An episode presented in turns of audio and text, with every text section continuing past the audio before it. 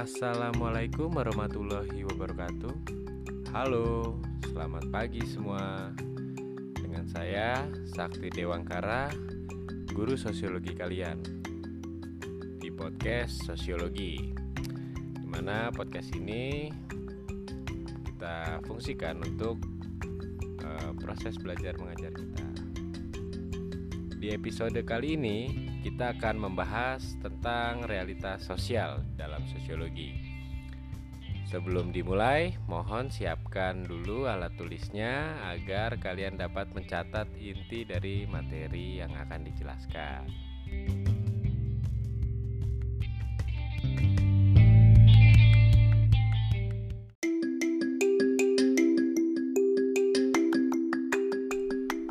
Setiap ilmu pengetahuan tentunya mempunyai objek kajian.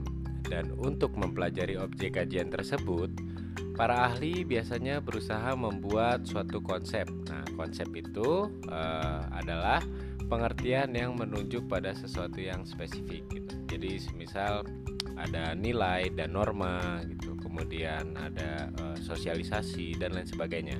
Oke, uh, kita akan mempelajari tentang realitas sosial lebih lanjut uh, dalam segmen berikut.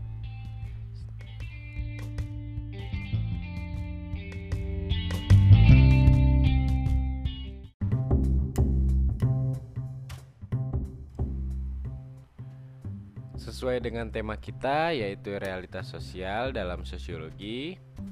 Jadi apa aja sih eh, bentuk-bentuk uh, realitas sosial dalam sosiologi? Mari kita simak penjelasan berikut ini. Yang pertama itu adalah masyarakat. Tentu kalian tidak asing lagi dengan kata masyarakat ya. Tapi e, bisakah kalian mendefinisikannya? Apa itu masyarakat kan? Jadi e, masyarakat itu adalah kumpulan orang-orang yang hidup di suatu wilayah tertentu dan membina kehidupan bersama dalam berbagai aspek kehidupan atas dasar norma sosial tertentu. Dan apakah kita juga termasuk dalam masyarakat? Tentu, kita adalah e, bagian dari masyarakat. Gitu.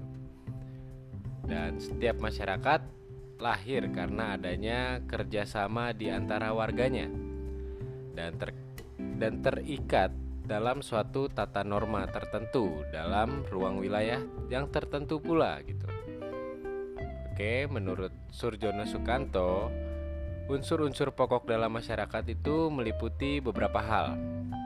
Yang pertama adalah adanya manusia yang hidup bersama, yang dalam ukuran minimalnya adalah berjumlah dua orang atau lebih.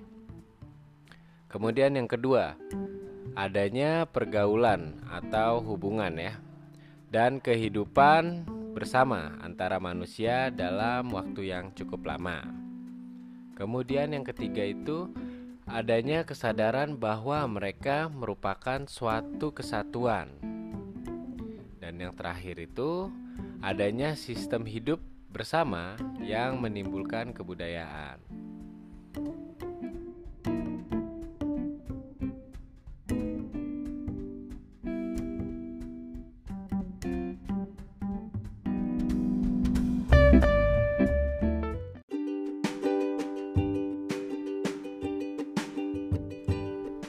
Realitas sosial yang kedua adalah interaksi sosial.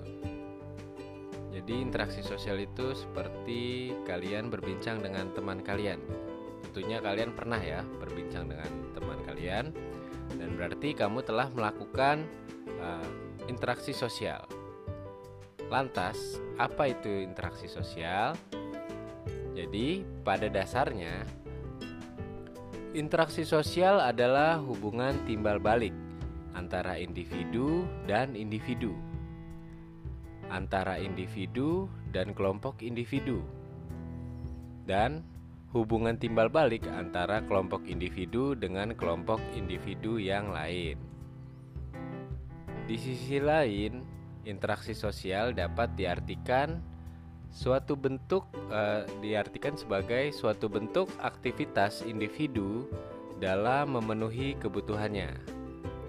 Dan dalam interaksi sosial, senantiasa itu berpedoman pada sistem tata nilai yang berlaku dalam masyarakat, yang biasa disebut norma dan nilai sosial.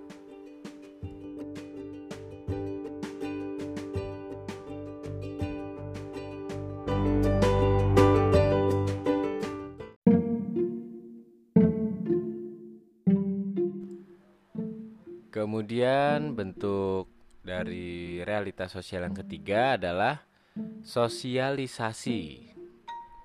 Mungkin kita juga udah nggak asing dengan kata sosialisasi.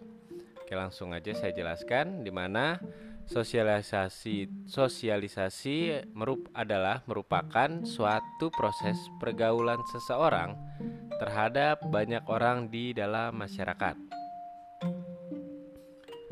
Proses ini berlangsung pada setiap orang seumur hidupnya mulai dari lahir sampai kita meninggal nantinya. Dan melalui proses ini, seseorang akan memperoleh pengetahuan-pengetahuan, nilai-nilai, dan norma-norma yang akan membekali individu tersebut dalam pergaulannya. Jadi, seperti bermain, belajar di sekolah, bergaul dengan teman-teman, membaca koran, menonton TV, Nah, itu adalah merupakan contoh-contoh aktivitas kita dalam sosialisasi. Ketika kita mampu menyesuaikan diri dengan lingkungan sosial dan lingkungan budaya dalam masyarakat, berarti kita telah berhasil melakukan proses sosialisasi dengan masyarakat sekitar.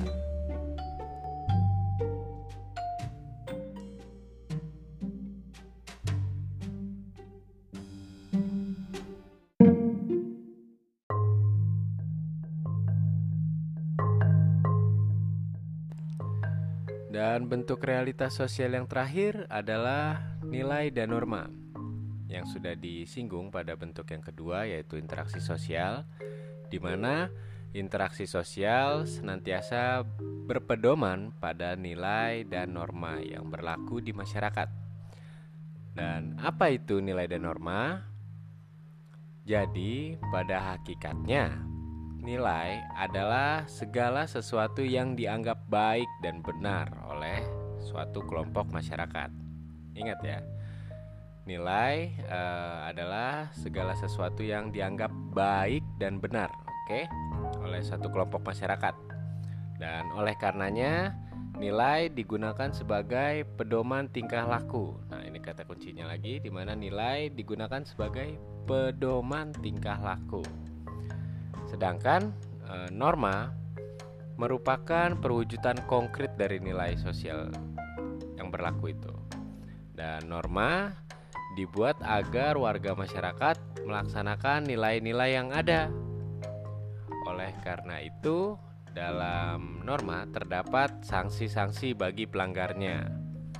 Dan pada hakikatnya, sanksi itu merupakan alat untuk menekan ya atau memaksa warga masyarakat mematuhi nilai-nilai yang telah disepakati. Dan secara garis besar terdapat empat macam norma sosial yang berlaku dalam masyarakat, yaitu ada norma agama, kemudian norma adat istiadat atau kebiasaan, kemudian ada norma kesusilaan atau kesopanan, dan yang terakhir adalah norma hukum.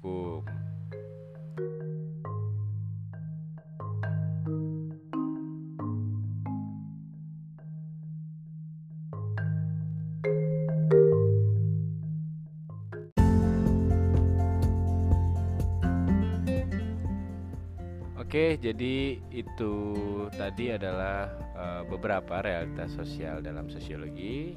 Untuk lebih lanjutnya, nanti ke depannya pasti teman-teman akan mempelajari lebih dalam, gitu ya. Tadi uh, ada berapa aja tuh? Ada empat ya. Di mana yang pertama itu ada terkait masyarakat, apa itu masyarakat, ya kan? Kemudian unsur-unsurnya bagaimana. Kemudian yang kedua itu ada interaksi sosial yang ketiga itu ada sosialisasi dan hmm. yang keempat atau terakhir hmm. ada nilai dan norma sosial.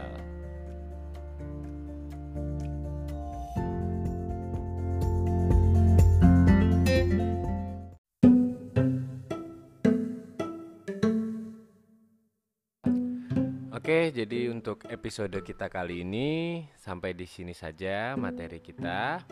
Dan sebelum ditutup, alangkah baiknya kita berdoa menurut agama dan kepercayaan masing-masing. Agar apa yang kita pelajari hari ini dapat bermanfaat bagi diri kita pribadi maupun orang di sekitar kita. Berdoa menurut agama dan kepercayaan masing-masing dimulai.